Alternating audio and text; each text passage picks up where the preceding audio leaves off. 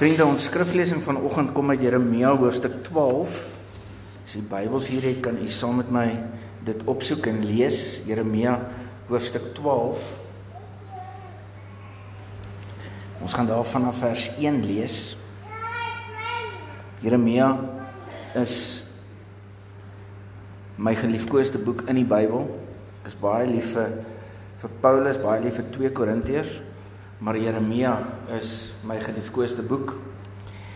En ek kan my baie vereenselwig ook met Jeremia. Ons lees daar vanaf vers 1. Ek sal my saak vir u stel want u is regverdig, Here. Nou Jeremia wat aan die woord is en met die met met die Here praat, met die met God praat. Hy sê ek sal punt vir punt my saak voor u lê. Waarom is die goddelose mense voorspoedig en het die ontrou mense geen sorge nie? U het hulle geplant, hulle het wortel geskiet, gegroei, ook vrugte gedra. Hulle neem u naam graag op hulle lippe, maar u is nie in hulle hart nie. U ken my, Here. U sien my en toets my gesindheid teenoor u. Bring hulle om die lewe so skape by die slagplek sonder hulle af vir die slagting wat kom. Hoe lank moet die land droog lê? Moet al die plante van die veld verdor? Die diere en die voëls vergaan oor die boosheid van die inwoners van die land wat sê Jeremia sal nie langer leef as ons nie. En dan antwoord God vir Jeremia. As voetsoldate jou moeg hardloop, hoe sal jy teen perde kan hardloop? En as jy net in 'n vreedsame land veilig voel, hoe sal jy maak in die digte bos van die Jordaan? Julle kan julle Bybels net so oop hou ook daar. Dis 'n aangrypende gedeelte hierdie. Ehm um, ek gaan nou iets doen wat ek eintlik nie doen nie. Uh Marinda, jy moet links kyk. Ek kan nie vir Johan sien nie. Ek gee nie omdat hy my nie sien nie, maar ek kan hom nie sien nie. Dankie. Hallo weer 'n keer Johan. Nou, nou voel dit vir my beter. Ehm um, ek weet hy kan nie van my af weg. Dis nie van my wat jy wegtrek nie, nee Johan. Nee, okay. Nou, dit is beter om mense te kan sien. Dis baie interessant hierdie gedeelte want ehm um, in die vakansies dan vra ek mos nou mense moet vir my 'n bietjie sê waar wil hulle hê moet ek preek en en en daar het nou al 'n paar mense vir my gevra maar maar oor skyn heiligheid preek en en en hierdie hele ding so een deel het gevra oor skynheiligheid en die ander deel het gesê maar maar dit hierdie ding dat dit dat dit eintlik reën oor die goeies en die slegtes soos wat die Bybel ook sê. Dit voel half mense voel ongemaklik daarmee. Ehm um, hierdie ding dat dat mense wat regtig onverskillig leef, mense wat regtig as prins sleg leef. Ehm um, hoekom lyk dit asof dit met hulle so goed gaan? En ander en miskien as mense dan nou self sê ek ons wat wat probeer om te leef soos die Here wil hê ons moet leef dan dan gebeur daar slegte dinge. Hierdie eeue oue vraag, kom gebeur daar slegte goed met goeie mense? Uh, ook 'n vraag wat ons as Christene vra, hoekom gebeur daar slegte goed met kinders van die Here? Hoekom kan God ons nie net so bietjie voortrek nie? Natuurlik, dit is een van die redes hoekom ek so verskriklik baie van 2 Korintiërs hou. En hoekom ek ook so baie van Jeremia hou. Want in 2 Korintiërs worstel Paulus self ook met al die slegte goed wat met hom in sy bediening gebeur het. Jy kan gerus 2 Korintiërs gaan lees. Hy vertel van al die swaar kry en seer wat hy beleef het terwyl hy self evangelie verkondig het. Voel altyd vir my dat een nie een van ons sal stry daarmee nie. As daar nou iemand is wat ons graag sou wil hê God 'n bietjie moes voortrek dan in die, in die Bybel nou, dan sal dit Paulus en Jeremia gewees het. Um, ek dink nie eers ons sou sleg gevoel het as die Here vir Paulus en Jeremia 'n bietjie voorgetrek het en nie soveel slegte goed met hulle laat gebeur het nie, want hulle het soveel vir God beteken as profete. In die Ou Testament en in die Nuwe Testament. En op hierdie stadium is dit wat met Jeremia gebeur. Dit is my eintlik so oulik. Want jy kan agterkom in Jeremia se se taal, hoe hy met God praat. Hy sê, hy hy hy is totaal en al moeg, moedeloos en spesifiek oor hierdie goddelose, skynheilige mense wat wortels skiet en vrugte dra en niks bekommernisse het. En hy sê dit so mooi. Hy hy sê dit, hy sê vers 1 en 2: "Waarom is die goddelose mense voorspoedig en hierdie ontrou mense geen sorge nie? Hulle het geplant, hulle het wortel geskiet, gegroei, ook vrugte gedra. Hulle neem u naam graag op hulle lippe, maar u is nie in hulle hart nie." Dis 'n probleem vir hom. Dis 'n groot probleem vir hom. Jeremia wil hê God moet hulle straf. Hy wil hê hy moet hulle straf. Hy sê U het my, Here, U sien my, U toets my gesindheid, U ken my, maar bring hulle om die lewe so skape by die slagplek. In ons konteks het dit gestaan uit soos wanneer iemand skaap steel en hulle sommer daar in 'n bos slag al. Sommer nog daar op op jou grond steel hulle skaap en hulle slag hulle daar en jy kry die bloed en jy kry alles daar waar hulle die skape geslag het. Keel afgesny. Jeremia sê eintlik dis wat hy wil hê moet met hierdie mense gebeur wat so skynheilig is. Eintlik wil hy hê dis hoe God met hulle moet hanteer. Dis vir my mooi ehm um, hoe Jeremia dit sê. Hy sê daar in vers 1, hy sê Here, ek sal punt vir punt my saak voor U lê. So amper asof God 'n slegte geheue het. So amper asof Jeremia wil sê, maar Here, ek ek ag dit voel vir my of u nie mooi luister nie. Dit voel vir my of u nie mooi kyk wat in my hart en my gedagtes aan die gang is nie. En asof Jeremia en dis vir my so tong in die kies, voel dit vir my want so Jeremia weet mos met wie hy te doen het. Dat dit die enigste lewende God is. Ek en jy ook. Maar soms wil ons ook soos Jeremia vir God sê, Here, ek klink so moedeloos want ek is so moedeloos. En ek wil hê jy moet jy moet hoor wat ek deurgaan op die oomblik. Ek gaan dit Ek gaan dit punt vir punt nou vir u beskryf dat u kan hoor uit my eie mond uit wat wat ek deurgaan, waarmee ek worstel, my bekommernisse, my vrese oor myself, oor my kinders, oor my besigheid, oor my werk, oor ons land. Jeremia sê dit gaan sleg met die land en die mense juis oor hierdie ongehoorsaamies. Hy sê dit in vers 4. Hy sê: "Hoe lank moet die land nog droog lê moet al die plante van die veld verdor, die diere en die voëls vergaan oor die boosheid van die inwoners van die land wat sê Jeremia sal nie langer leef as ons nie. Ons glo dit ook. Dalk hopelik glo jy dit nie meer nie. As ek sê ons glo dit, dan wil ek sê dat ons glo dat ons moet een of ander tyd 'n byeenkoms hou, bid en dan sal God weer reën stuur. As hy sê ons, dan bedoel ek ons Afrikaner mense. Ons glo nog meeste van ons in straf. Dis droog. Dit gaan sleg Ons land lyk soos wat dit lyk want God is besig om ons te straf. Hy straf ons oor die skynheilige mense. Maar nou hier in hierdie gedeelte is Jeremia besig om homself punt vir punt te weerspreek. Want hy het dan net gesê, dit gaan goed met die skynheiliges. Dit gaan goed met die goddeloses. So met ander woorde, hier wat hy nou weer sê, maar Here, U straf ons, dit is so droog oor die goddeloses, oor die skynheiliges, is hy besig om homself letterlik punt vir punt te weerspreek. Dis waar. God laat dit reën oor die slegtes en die goeies. God se genade, God se somme oor hoe hy vir jou en vir my sorg as sy kinders. Hoe hy vir mense sorg op die aarde werk anders as wat jou somme en my somme werk. Hoe ek en jy oor genade dink is anders as hoe God oor genade dink. Ons sien dit veral wanneer God dwars deur die Bybel met mense net soos ek en jy werk. Ons sien dit veral wanneer Jesus Christus vertel van die koninkryk van God en die gelykenisse beskryf waar hy 99 los en een gaan soek.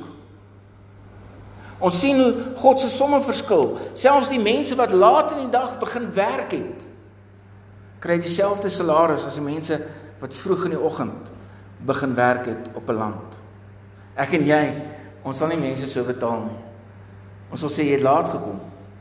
Ons betaal per uur. Jy het die laaste halfuur gewerk. Ek skryf dit neer. Teken. God se somme, se genade werk anders. En ons ons kyk TV en lees tydskrifte en koop 'n rapport en as ons tydskrifte koop en TV kyk dan wil ons kyk wat gebeur met ander mense regte mense in hulle lewens hoe hulle leef. Wanneer ons die huisgenoot lees dan is dit stories en verhale van helfte daarvan meer as helfte van bekende mense hoe dit met hulle gaan. Die nuutste rok die nuutste kar die nuutste fliek die nuutste wat ook al. Of ook die nuutste skandaal wat hulle nou weer op die voorblad plaas vandag kry ons nou weer vir Nadine jammer en wil ons vir Derrick Hougaard wurg Want daar's 'n nuwe skandaal. Ons sien dat een van die eerste jong mense wat 'n biljoenêr geword het in Amerika is 'n jong jong tiener meisie. En sy het net populêr geword deur Instagram. En sy's net populêr omdat sy so groot gevolg op Instagram het.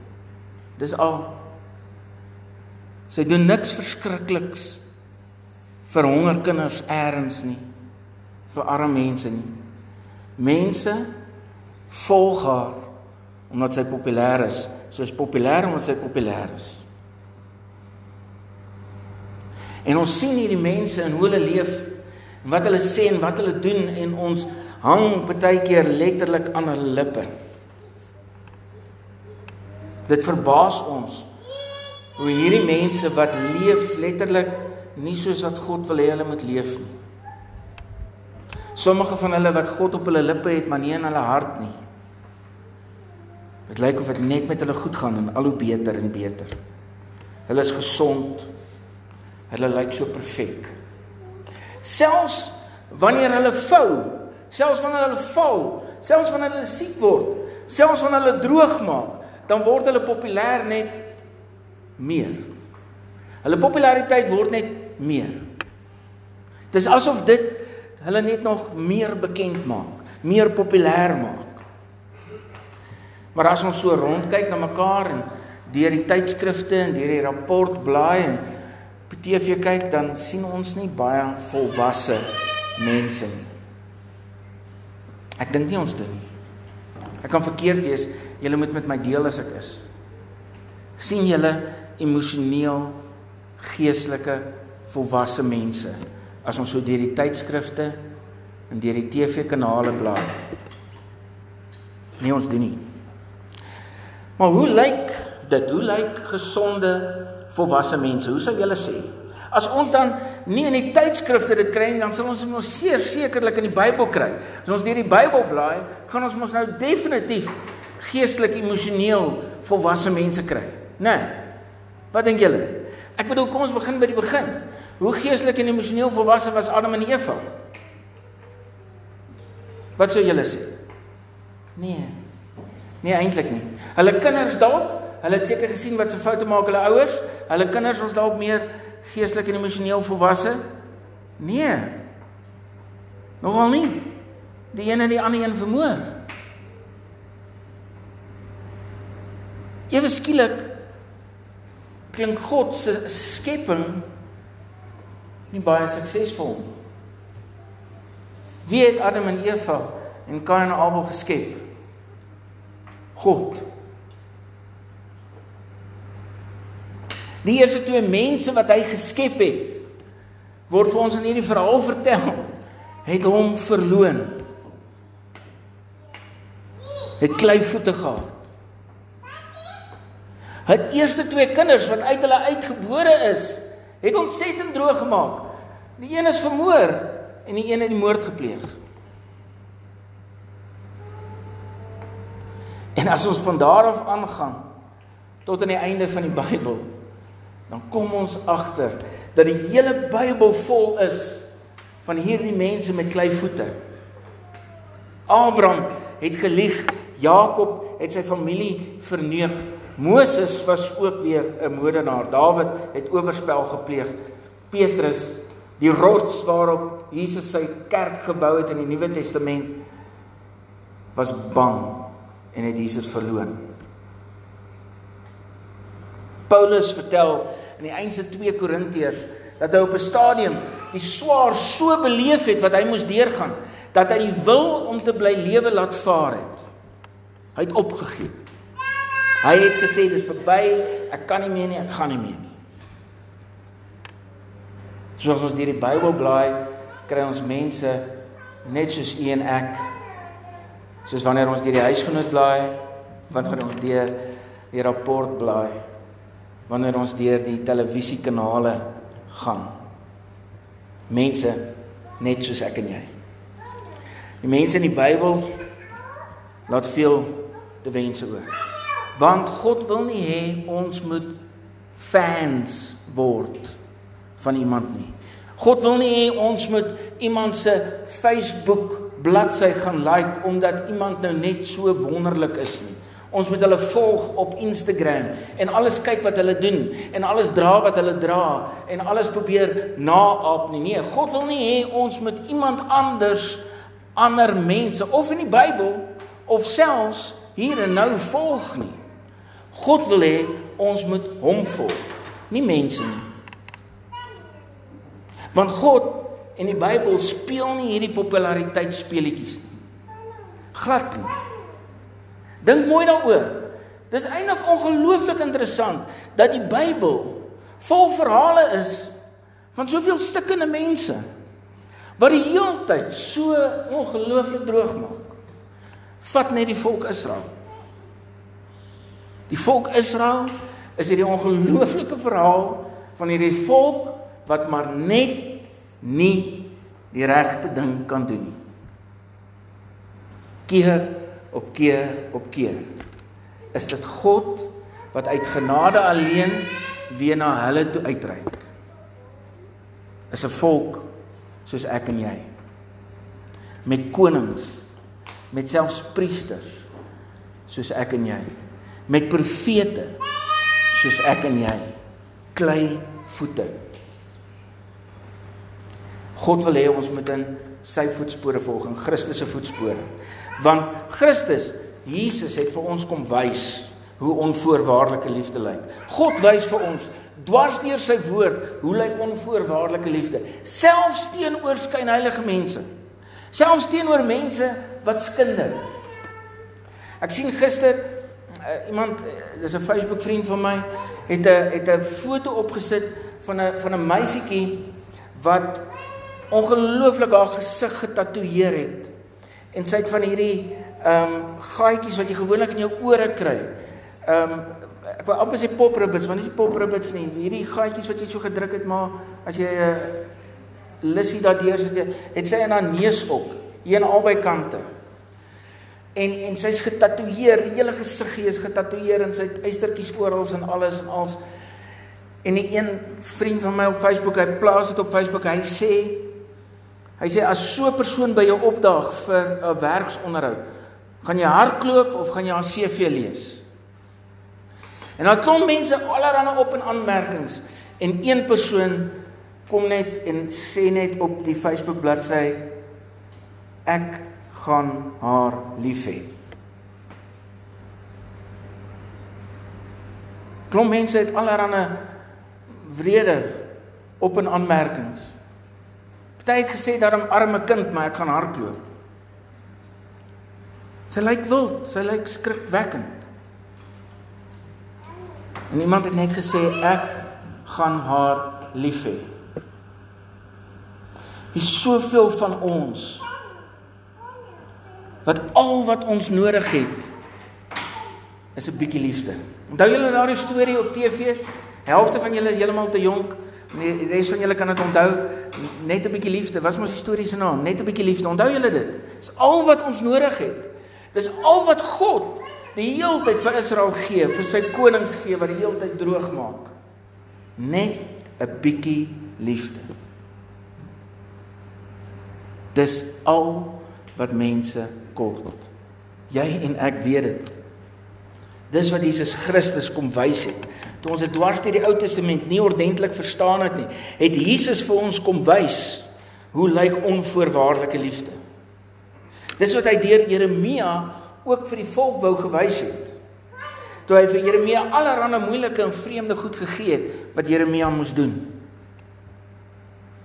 Jeremia ten spyte van al sy worsteling het Jeremia voluit geleef. Want elke keer as hy so moeg en moedeloos was, dan moes Jeremia besluit, gaan ek ingee en na die mense luister of gaan ek na God luister? Elke keer het Jeremia voor hierdie besluit gekom. Jeremia het elke keer besluit hy gaan na God luister. Nie na die mense nie. 'n uh, 'n uh, Tsjechiese filosoof met die naam Witoslav Gardavsky. Hy het as 'n martelaar gesterf in 1978 in die Sowjetunie in Tsjechoslowakye, maar toe dit nog onder beheer was van die Sowjetunie. Hy het gesê dat in die lewe is die verskriklikste ding is dat ons dalk sal sterf baie vroeër as wat ons werklik sterf. Voordat dood 'n natuurlike noodsaaklikheid geword het. Hy sê die werklike aakligheid lê daarin dat ons prematuur doodgaan, 'n geestelike en emosionele dood sterf en ons gaan aan om nog te leef vir baie jare. Dis ons probleem.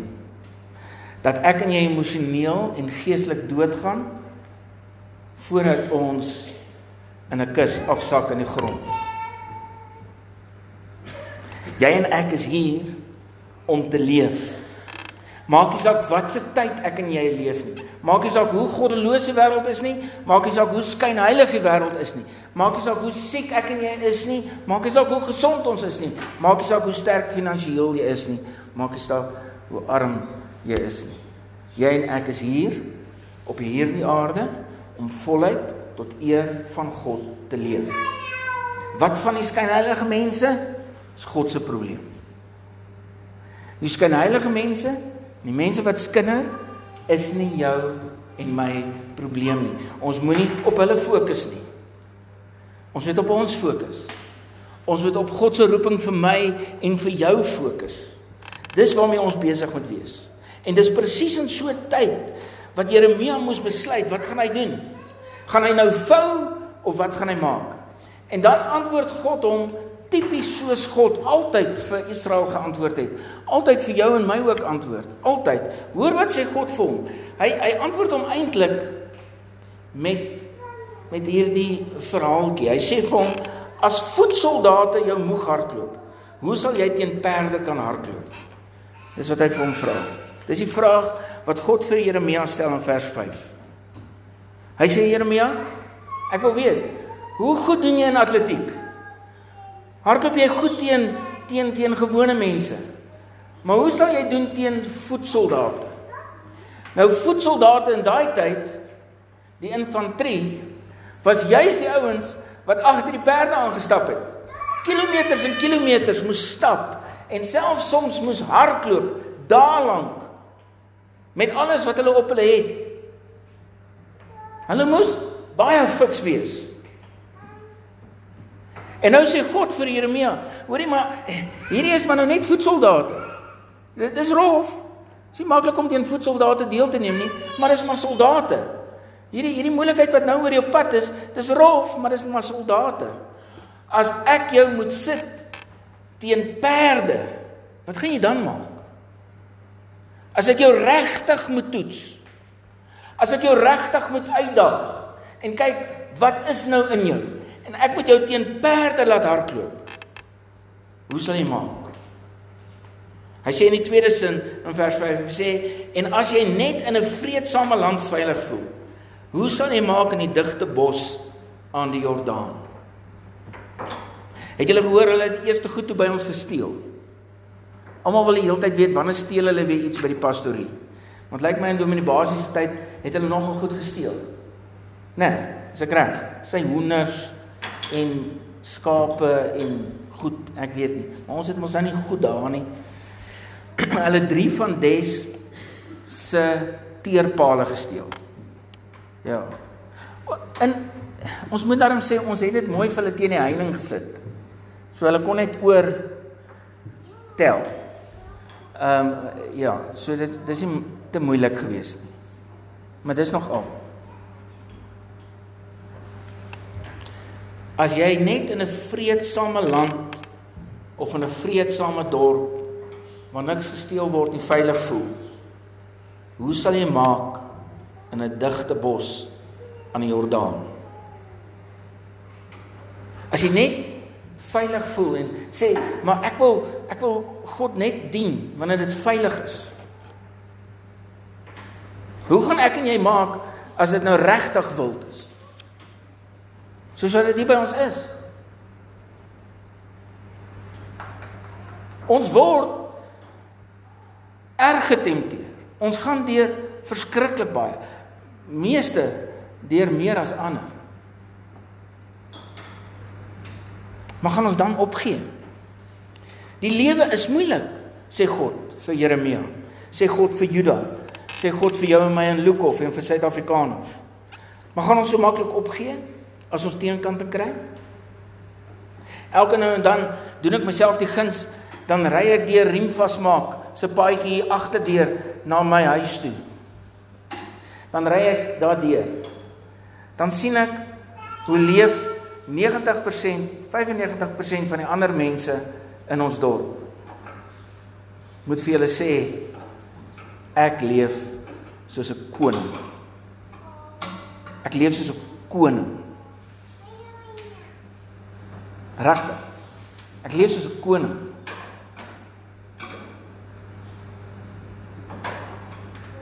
Ek weet nie van jou nie. Maar ek ek leef soos 'n koning. In vergelyking met die mense in Riemvas maak.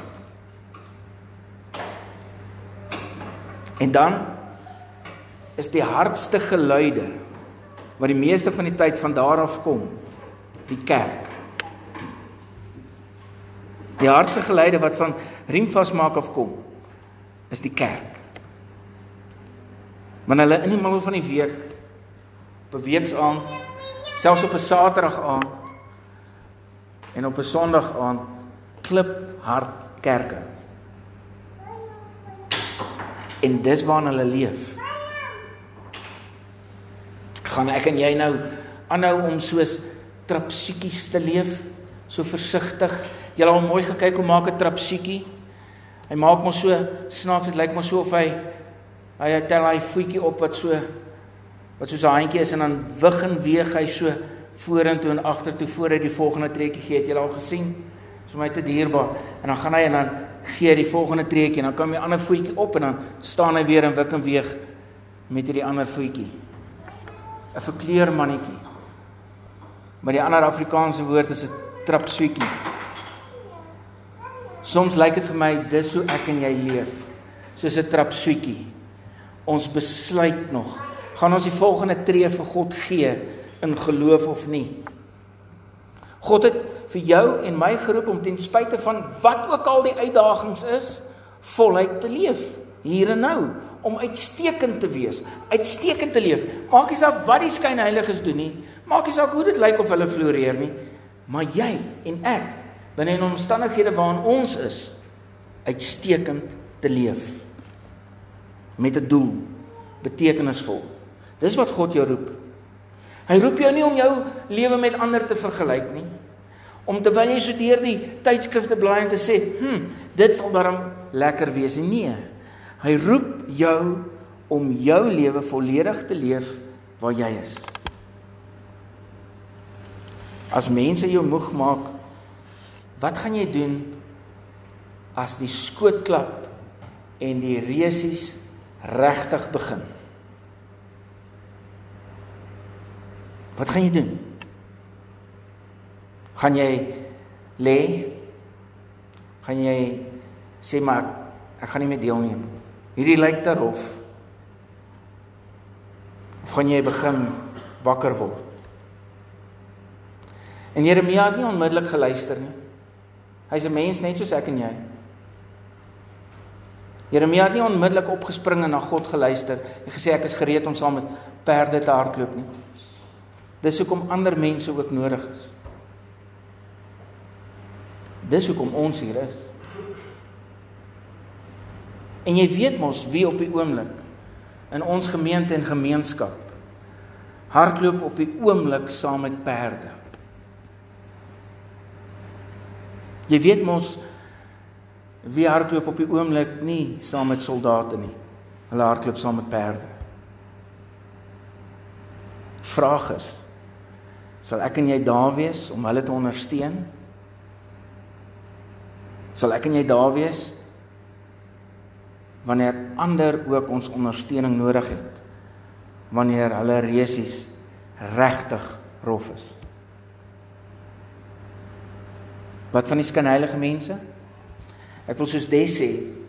Des sê sy kan nie glo as mense besig is met hulle eie kinders en hulle eie man of vrou en hulle eie ouers se swaar en seer en hulle eie worstelinge waar hulle nog energie oor het om nog dinge moeilik te maak vir ander mense. Broers en susters, ek en jy moet ophou om ons bekommerd te wees oor die skynheiliges en die skinderbekke. En ek en jy moet die mense versorg wat op die oomblike resie saam met perde hardloop. Dis jou en my roeping. Amen.